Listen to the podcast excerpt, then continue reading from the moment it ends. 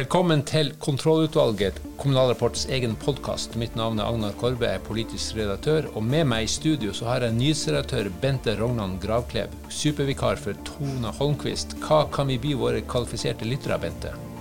Senterpartiet har hatt landsstyremøte og er i gang med å evaluere valgkampen som gikk som passe. Partiet er ikke lenger nest største ordførerparti, men de mener jo at de skal vokse fram mot valget i 2025. Og så har Oslo fått ny politisk ledelse. Hva innebærer en ny politisk kurs i hovedstaden? Og holder det parlamentariske grunnlaget i fire år? Vi har også intervjua SVs nye varaordfører i Tromsø, 22 år gamle Sigrid Bjørnhaug Hammer.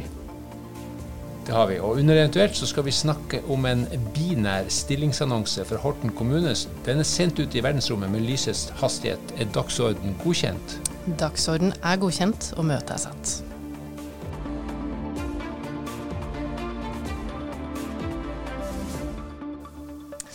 Når konstitueringene rundt om i Kommune-Norge nå nesten er i boks, så ser vi at Ap fortsatt er størst ordførerparti med rundt 109 ordførere. Høyre er hakk i hæl med 104. Sp har 88 ordførere.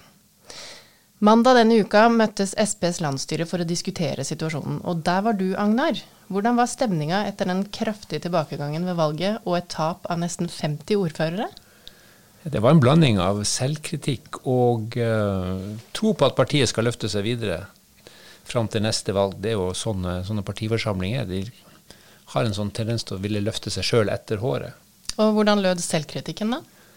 Ja, det var at partiet var litt for utydelig i valgkampen. At det var mye som handla om strømpris, energipolitikken ødela. Privatøkonomien opptok velgerne i større grad enn at Senterpartiet faktisk har innfridd en del valgløft fra, fra tidligere år. F.eks. nye politistasjoner og gjenoppretting av fylkeskommuner.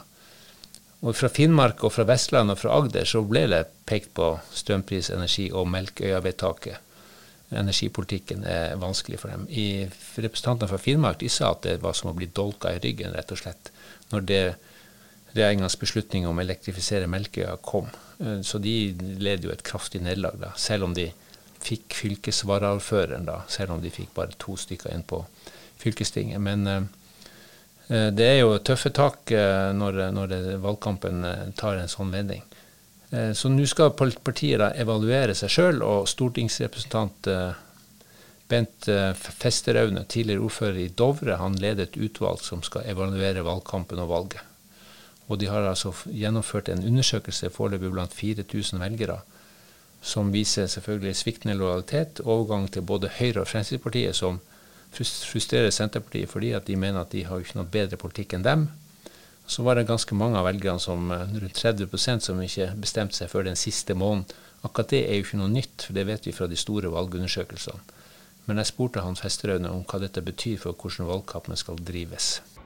Ja, altså Det der var jo litt begge deler. Noen var jo veldig sikre på å ha bestemt seg, og de sikreste var de som var eldst. Og, og som jeg sa, det er kanskje ikke så rart. De har vel hatt uh, en hel generasjon på å bestemme seg. men det er klart det ligger veldig mye i den siste. Uh, og det er ikke noe tvil om det at hvis folk går og er litt usikre på hva de skal stemme på, så gjelder det å være tydelig i kommunikasjon, og kanskje tidlig og tydelig. Uh, hvor kanskje den første T-en at vi på enkelte områder kunne blitt bedre. Men det får vi jo da muligheten til å sjekke ut når vi intervjuer folk. Men uh, som en hypotese, da, hvis man skal bruke det, så vil jeg tro at det med å kommunisere tidligere de gode sakene, barnehage var jo en sånn sak, tror jeg er en stor fordel. Altså Budsjettlekkasjene burde ha kommet før den nest siste uka? Ja, og så er det også det med begrepet budsjettlekkasje, liksom. Jeg tror kanskje dette er en politikk man kunne ha bygd opp i flere faser, da. Ved å si at det er viktig at barnefamiliene skal på en måte få noe ekstra fordi det er sosialt riktig og vår profil. Og så kunne liksom kroner og ører og sånt noe komme etter hvert. For da kunne folk ha prata om det, og du skapt noen forventninger. Og det er klart, når du innfrir forventninger, så er det alltid en god sak. Partileder Vedum sa jo på dette landsstyremøtet at nå starter valgkampen i 2025. Er det realistisk at Senterpartiet kommer over 10% igjen, som er åpenbart er målsettinga til han og flere? Ja, det tror jeg. Absolutt. Det har jeg tro på. Hva er trikset for å få det til? Trikset er også å få folk til å tro på historien. den gode historien som ikke har forandra seg mye, og som egentlig ligger i bånn for veldig mange folk i dag. Og så får vi òg håpe at eh, det som skjer rundt oss i verden blir litt mer oversiktlig. Jeg sier ikke at, eh, han, eh, at det Jeg sier litt mer oversiktlig. Det tror jeg også vil, vil favorisere de som sitter i regjering. Vil Senterpartiet komme seg over 10% igjen uten at EU-saken for alvor kommer på dagsordenen, Agnar? Tja, det er mitt presise svar på det. Valgkampforberedelsene til 2025 er jo i gang med dette landsstyremøtet. Men det er lenge til det skal stemmes. Det er ufattelig lang tid til neste valg. Og selv om jeg syns Vedum på noen områder gjentar seg sjøl når han holder sine taler, altså noen vil si at det er konsistent budskap, og det er de grunnleggende verdiene som han eh, holder seg til, så mener jeg at uh, den politiske analysen er litt, uh, kanskje litt utdatert. Samtidig så var det jo Vedum som etter debatten på mandag minna landsstyrets eh, medlemmer om at det er privatøkonomien som virkelig betyr noe. Og han hadde jo da en spissformulering med referanse til Senterpartiets ferske seier om å nekte Ikea å bygge på et eh, landbruksareal i Vestby, at folk flest er ikke opptatt av om Ikea får bygge på matjord, selv om det er viktig for Senterpartiet. Men det som folk flest er opptatt av, er om de har råd til å handle på Ikea. Og det er klart at han eh, som finansminister så vet han at hvis de økonomiske pilene går i riktig retning, så vil det tjene den til enhver tid sittende regjering. Så det er der håpet for dem ligger.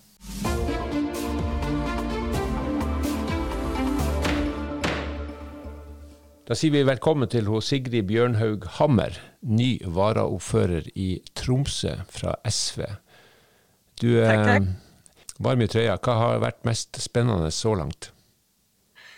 Så langt har det vært veldig mye sånn eh, teknisk eh, få satt opp e-posten og funnet plass på kontoret. Og, og, så har jeg vært litt rundt og, og åpna en operafestival og, og eh, sprunget litt skoleløp i forbindelse med TV-aksjonen osv. Så, videre. så det er artig så langt. Jeg håper jo at jeg skal få jobba en del politisk også som varaordfører. Og så er det klart at man er stedsfortreder, men, men vi finner nå en, en god løsning på det der det blir ikke bare ettermiddagsjobbing på meg. Hva blir det viktigste politiske prosjektet? Altså For meg så er det jo både det å greie å kutte klimagassutslipp og, og utjevne sosiale forskjeller. Det er jo kjempeviktig i den tida man er i. Men så sjøl så er jeg òg veldig opptatt av psykisk eh, og fysisk helse. Det å kunne ta vare på nærnaturen f.eks., ha tilgang på gode møteplasser. Og også styrke det psykiske helsetilbudet i kommunene. Du har jo studert eh, planlegging i forrige periode, mens du også var lokalpolitiker og holdt på med en hel haug med andre ting. Hva er det du tar med deg fra denne planleggingsstudiet inn i kommunepolitikken? Det er veldig mye. Og det å sitte fire år i kommunestyret mens jeg studerte planlegging, var jo litt sånn to roller som fulgte hverandre veldig, veldig godt. Eh, men det jeg tenker kanskje mest på, er det her med viktigheten av gode planer. Og det å ha på en måte respekt for planverket. Eh, og i arealplanlegginga så ser man jo at det er helt nødvendig å ha gode planer for å få, få den ønska utviklinga. Og at hvis man går mye bort fra planen, så får man jo gjerne en arealutvikling som er sånn stykkevis og delt, da. Eh, og gjerne langt bort fra det som var intensjonene i planlegginga. Så det er jo noe jeg tar med meg, den, den respekten for, for planlegginga. Er det forskjell på teori og praksis? En ting å lese bøker om planlegging, en annen ting å sitte i kommunestyret og fatte vedtakene? altså, det er jo åpenbart eh, vanskelige diskusjoner man skal ta politisk. Og, og, av og til må man jo kanskje gå bort fra planen eller lage nye planer. Men, eh, men jeg tror jo at det er en fordel å ha med seg en del fagkunnskap på det området inn i inn i planlegginga. og Bare det å, å, vite forskjell på de ulike planene og når de skal komme osv. Er det for mange planer som, eh, og for mange statlige retningslinjer som styrer kommunene? Jeg vil kanskje ikke si at det er for mange retningslinjer. Altså, man har jo noen planer som er, er lovpålagt, og så har jo de fleste kommuner ganske mange planer utenfor det også. Du er jo samboer med en Høyre-politiker, Benjamin Furuli, som faktisk var fylkestoppen til Høyre i, i, ved fylkestingsvalget i uh, Troms. Um, mm. Hva slags uh, politiske diskusjoner har dere på hjemmebane? Vi diskuterer nå litt, men, uh, men det samboerskapet påvirker jo på en måte ikke hvordan jeg jobber som politiker, eller hva slags samarbeid jeg har med, med Høyre lokalt, da, f.eks. SV er jo viktig regjeringspartner for Arbeiderpartiet på Stortinget, og Arbeiderpartiet var Senterpartiregjeringa da. Og nå skal det forhandles et budsjett i løpet av eh, neste måned. Hva slags uh, kommunalpolitiske innspiller har du til uh, partiet når de nå skal gå i gang med disse forhandlingene? Jeg har vært i kontakt med, med, SV, og jeg ønsker meg jo mer penger til byvekstavtalen i Tromsø, sånn at man får uh, gode løft for eh, gange, sykkel og kollektiv. Vi ønsker oss penger til COAT, som er et system for klimaovervåkning. Og så ønsker vi oss penger til eh, ROS, som er rådgivning eh, om spiseforstyrrelser, bl.a. Sigrid, vi ønsker deg lykke til i vervet som varaordfører i Nordens Paris.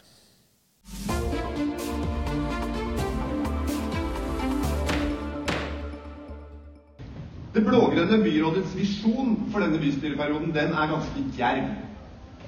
Vi sier vi skal skape verdens beste by. Verdens beste by å bli født i, vokse opp i, flytte til, leve i og bli gammel i. Uavhengig av hvem du er, og hva slags bakgrunn du har. Ja, her hørte vi Oslo Venstres Halstein Bjerke fra lanseringen av byrådsplattformen i Oslo. Hammerborgserklæringa. Ehm, denne uka så får Oslo nytt byråd. Tirsdag morgen ble samarbeidsavtalen mellom Høyre, Venstre, KrF og Fremskrittspartiet presentert. Den sikrer at et byråd med Høyre og Venstre har flertall bak seg i et parlamentarisk styrt Oslo. Senere på dagen så ble altså byrådsplattformen presentert. Um, Oslo skal bli verdens beste by å bli født i og bo i. Dette er ikke småtteri, Ragnar. Du fulgte disse pressekonferansene. Hva kan innbyggerne i Oslo vente seg? Det er verdens beste by. Det var jo det de lovte, så det må vi jo bare følge med på, vi som er politiske journalister og kommentatorer. Eh, byrådet de spenner opp et eh, voldsomt uh, lerret og, og maler med store grønne, blågrønne bokstaver at, uh, hva som skal bli bedre. Sånn må det nesten være, for det er jo en, som en regjeringserklæring for Norges hovedstad. Så da skal det være litt luft i luka. Det var jo Deichman, det var fine omgivelser. og en, en eh, høytidelig dag, og de har jobba hardt og lenge med dette dokumentet. Den Byrådsplattformen er på 47 sider, det er mye som står der. Eh, noe er selvfølgeligheter, noe er djerve politiske mål. Eh, by, det by, innbyggerne kan vente seg, er selvfølgelig lavere eiendomsskatt og ikke så mye hardcore MDG-politikk, selv om det er mye om miljø og det grønne der. Og så blir det selvfølgelig noe mer eh, valgfrihet. Oslo skal bli en liberal by. Det blir en lokal rusreform som jo selvfølgelig vil utfordre den sittende regjeringa, så det blir spennende å følge. Påtroppende byrådsleder Eirik La Solberg la vekt på innbyggernes private økonomi på pressekonferansen. Byrådet og bystyreflertallets ambisjon er jo å fjerne eiendomsskatten, som du sa, i løpet av bystyreperioden. De skal arbeide for å redusere økningen i kommunale gebyrer, og samtidig så skal det satses på eldreomsorg, skole og oppvekst, nye parker, fritidskort for barn, kamp mot fattigdom, billigere månedskort. Dette høres dyrt ut? Ja, det er mye penger som skal uh, satses. Samtidig så er Høyre tydelig, og det er en litt sånn klassisk høyrepolitikk som vi har hørt fra Erna Solberg også. Kommunen skal drives mer effektivt. Det skal utarbeides en handlingsregel, og det skal gjennomføres et effektiviseringsprogram. Så de kommunale etatene i Oslo de må jo bare stålsette seg nå. For nå blir det innsparinger, og de begynner jo politikerne med å slanke både byrådet, kutter vel en eller to poster der, og så blir det en færre heltidspolitiker i, i bystyregruppene. Sånn at uh, de starter der. Og så uh, monner jo ikke det så veldig mye.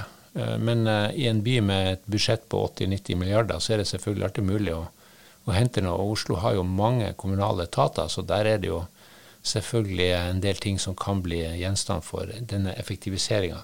Så det forrige avtroppende byrådets tillitsreform, den, eh, den får nå en annen innpakning. Så det blir spennende å følge. Men byrådet har jo to støttepartier, KrF og Fremskrittspartiet. Er det et trygt parlamentarisk grunnlag?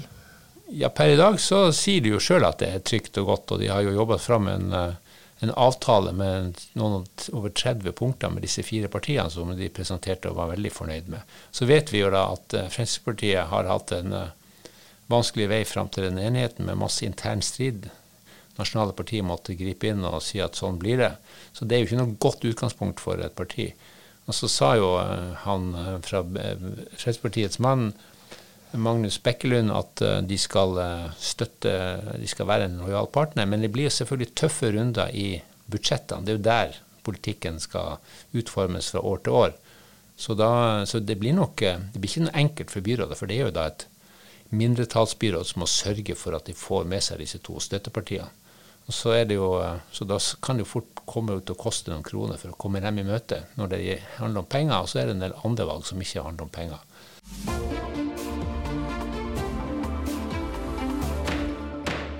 Da er vi kommet til eventuelt. Du meldte inn en sak om en binær stillingsannonse som er på vei ut i verdensrommet med lysets hastighet, Agnar. Ja, det er Horten kommune og deres attraktivitetsbygger og teknologi- og næringssjef og jeg vet ikke hva som har knella sammen en, en stillingsannonse som er da koda på en sånn måte, altså binært, nulltall og null og én, eh, som er da sendt ut, og hvis man har lest det med kode, en, en kodekyndig vil da kunne lese et budskap ut av en sånn kode, selvfølgelig. Og den har den sendt ut i eh, verdensrommet, og så er det selvfølgelig opp til eh, smarte teknofolk der ute og laster det ned og uh, kobler på antenner og får det ned, så kan de se at i Horten er det mange ledige stillinger. Så det er vel trikset. Dette er jo et markedsføringsstunt, selvfølgelig. Men er dette noe som andre kommuner bør kopiere, syns du? I prinsippet så syns jeg alle markedsføringsstunt bør vurderes. Det må jo selvfølgelig se på kostnadene. Det er jo skattebetalerne sine penger som skal brukes på forskjellige ting. Her er det jo om å gjøre å få um, kampen om arbeidskrafta er jo noe som alle kommuner er opptatt av, enten det er til privat næringsvirksomhet eller kommunens egne virksomheter. Her er det vel mye private. Så jeg syns jo dette for så vidt er en morsom, god idé. De får oppmerksomhet. Forhåpentlig så får de søknader til teknologimiljøet i byen i Oslofjorden, som har eh, stolte tradisjoner for teknologi og sjøfart. Så det er bra.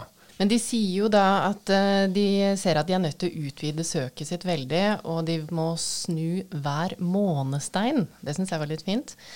Om det fins intelligent liv der ute, så skal vi ha det hit til Horten. Den ambisjonen den kan vi støtte. Altså, det, hvis noen der ute hører på denne sendinga, så eh, er det jo sånn at ufoen rett og slett må lande på, eh, i Horten. Det er ikke noe annet å, å, vi kan tolke ut fra det. Så IT, eller hvem det nå måtte være, du eh, lander i Horten, og så spør du bare Take me to, your ordfører, så kan vi løse dette her. Med det er denne utgaven av eh, Kontrollutvalg over. I studio Bente Rognan Gravklev, Agnar Korbø, redaktør for Kommunal Rapport og alle våre produkter, nyhetsbrev og alt som bra er, er Britt Sofie Hesvik. Vi høres igjen.